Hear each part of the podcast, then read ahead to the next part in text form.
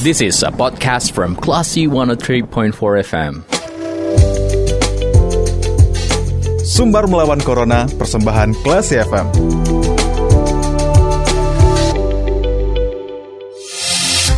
empat kelas FM, this is the actual radio.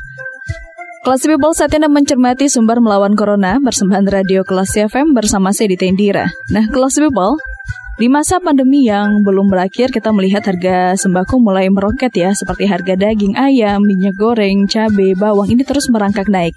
Lalu bagaimana pemerintah menyikapi kenaikan harga sembako ini? Kita akan menanyakannya langsung kepada Kepala Disperinda Kota Padang, ada Bapak Andre Algamar. Kita sapa dulu. Assalamualaikum Pak Andre. Waalaikumsalam, selamat siang, Gracie. Kabar? Alhamdulillah sehat Pak. Sehat Pak hari ini Pak? Alhamdulillah. Alhamdulillah. Baik Pak, terkait dengan kenaikan harga sembako, mungkin kita pengen tahu dulu nih Pak, eh, apa saja ini yang menjadi penyebab naiknya beberapa um, komoditi harga sembako ini Pak? Jadi begini, uh, di dalam uh, perdagangan kita kan setiap ada hari-hari besar keagamaan, mm-hmm. kemudian uh, kegiatan akhir tahun, yang Ramadan, Natal dan Tahun Baru, memang ada tren untuk kenaikan harga sembako karena mm-hmm. tingginya permintaan terhadap uh, sembako dan barang-barang penting lainnya. Mm-hmm. Jadi ini memang uh, bilang Natal sudah ada kenaikan dari uh, minyak goreng juga di awal November sudah naik. Mm-hmm. Nah, nah, jadi ya, kita sesuatu ya kita urai ya. Mm-hmm. Baik pak. Terkait minyak goreng itu penyebabnya karena tingginya uh, tingginya uh, harga minyak sawit di pasaran dunia. Mm-hmm. Uh, kemudian juga minyak nabati ini uh, di karena ada uh, apa namanya uh, uh, uh, COVID itu kan biaya pengangkutannya juga meningkat karena kan orang yang shift shift shift shiftan di pelabuhan mm-hmm. itu kan nggak bisa seramai dulu. Mm-hmm. Kedua, yang ketiga kemudian di Brazil dan Amerika Selatan itu ada gagal panen sehingga minyak sawit itu angka harganya di pasar dunia cukup tinggi. Jadi para produsen kita lebih banyak mengekspor sehingga memicu angka uh, harga uh, minyak goreng di dalam negeri itu meningkat uh, cukup signifikan. Nah, ini yang kemudian Kementerian Perdagangan sudah mengeluarkan uh, pernyataan bahwa head harga ikan tinggi itu di angka 14 ribu. Mm -hmm.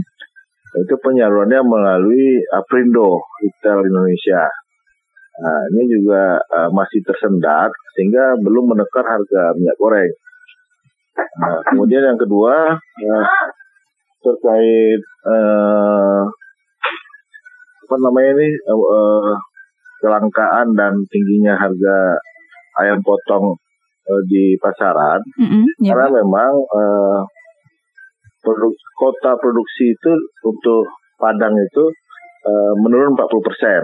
Karena banyaknya permintaan dari daerah uh, seputar. Kan kan uh, ayam beras ini juga banyak uh, banyak dari ayam dan telur ya. Mm-hmm. banyak kan daerah di daerah Payakumbuh kemudian di uh, Periaman gitu kan. Iya. Yeah.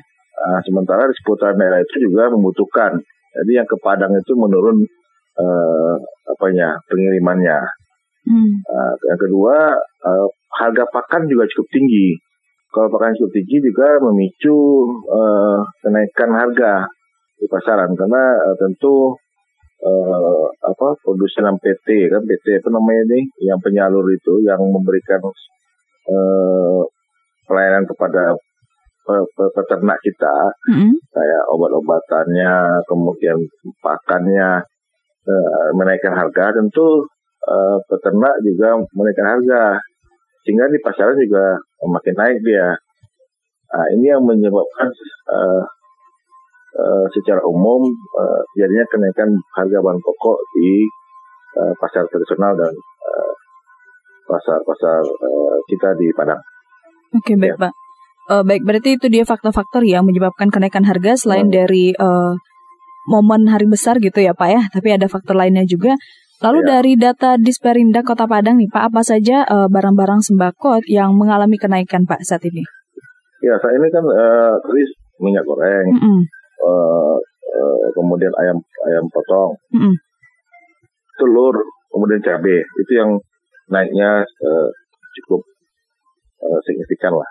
Mm Oke baik Pak. Nah untuk membantu masyarakat dengan uh, kondisi ini, apakah ada kemungkinan nanti uh, operasi pasar di awal tahun, Pak? Ya kakak minyak goreng kami kan sudah melaksanakan operasi pasar mulai akhir Desember sampai akhir 31 Desember itu kita melaksanakan di lima kecamatan hmm. selama satu minggu lebih. Uh, hampir 10 hari kita melaksanakan operasi pasar. Hmm.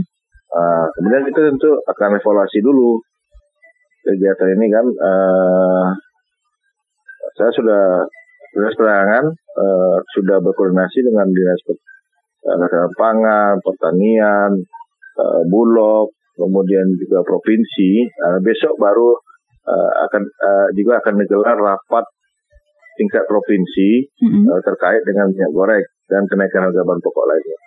Nah, ini supaya kita bisa mengambil langkah-langkah strategis sehingga uh, kenaikan ini bisa kita kendalikan. Oke, okay, baik ya. Pak. Nah itu untuk uh, menekan harga minyak goreng yang sudah dilakukan oleh pemerintah ya Pak ya. Mungkin um, sedikit bocoran Pak gambarannya ke depan apa yang skenario yang akan dilakukan oleh pemerintah Kota Padang terkait dengan kenaikan harga sembako di beberapa jenis um, bahan pokok lainnya ini, Pak? Ya, tentu kalau minyak goreng kita eh, kita kan sudah ada hmm. arahan dari Menko Perekonomian dan Pak uh, Menteri Perdagangan bahwa akan kita kendalikan di harga 14 ribu itu. Hmm. Nah, ini akan uh, besok dikoordinasikan oleh provinsi terkait penyalurannya. Hmm. untuk barang pokok lainnya itu uh, kalau memang tidak masih seperti uh, naiknya tidak terkendali, tentu mm-hmm. kita akan adakan operasi pasar. Oke. Okay. Gitu. Ya. Oke, okay, baik Pak. Baik, kami sudah dapat informasinya Pak. Nah, sekaligus menutup uh, perbincangan kita di sore hari ini, closing statement Pak untuk masyarakat terkait dengan kenaikan sembako yang terjadi di masa pandemi ini Pak. Silahkan. Oke, uh, pada masyarakat warga kota, uh, memang terjadi kenaikan sembako karena ini memang uh, kita masih dalam suasana tahun baru dan insya Allah pemerintah kota akan uh, bekerja keras lah uh, untuk menstabilkan harga dan kemudian kita juga akan uh, segera menggelar uh, operasi pasar sehingga sehingga apabila tidak terkendali juga dalam beberapa hari ini.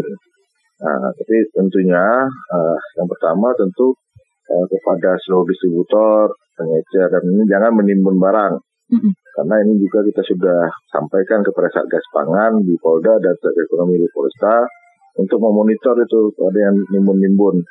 Yang kedua, pada masyarakat nggak usah panik, uh, stok barangnya, stok bahan pokok masih uh, hitungan kami dengan pemerintah kota masih aman, jadi uh, tidak ada kehilangan stok yang luar biasa. Jadi nggak usah uh, apa namanya uh, melakukan uh, belanja yang berlebihan hmm. atau mes, stok barang di apa secukupnya aja. Jadi uh, kalau kita dalam kondisi uh, nggak usah panik buying lah, kan nggak usah panik uh, karena stok barang pokok itu masih aman. Kemudian untuk harga kita usahakan menekannya. Uh, nah ini akan kita koordinasikan dengan provinsi dan bulog besok. Oke okay, baik. Mm, baik Pak, terima kasih Pak atas penjelasannya. Semoga uh, skenario ini berjalan dengan baik ya Pak ya. Terima kasih atas waktunya Bapak. Selamat melanjutkan aktivitas. Waalaikumsalam warahmatullahi wabarakatuh.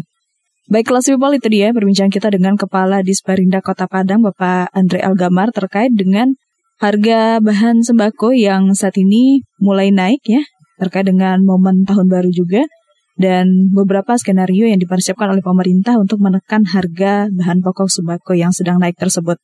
Kalau gitu saya ditendira kita ke program selanjutnya. Terima kasih. Anda sudah mencermati program Sumber Melawan Corona. Cermati podcast obrolan ini di www.classfm.co.id atau download aplikasi Classy FM.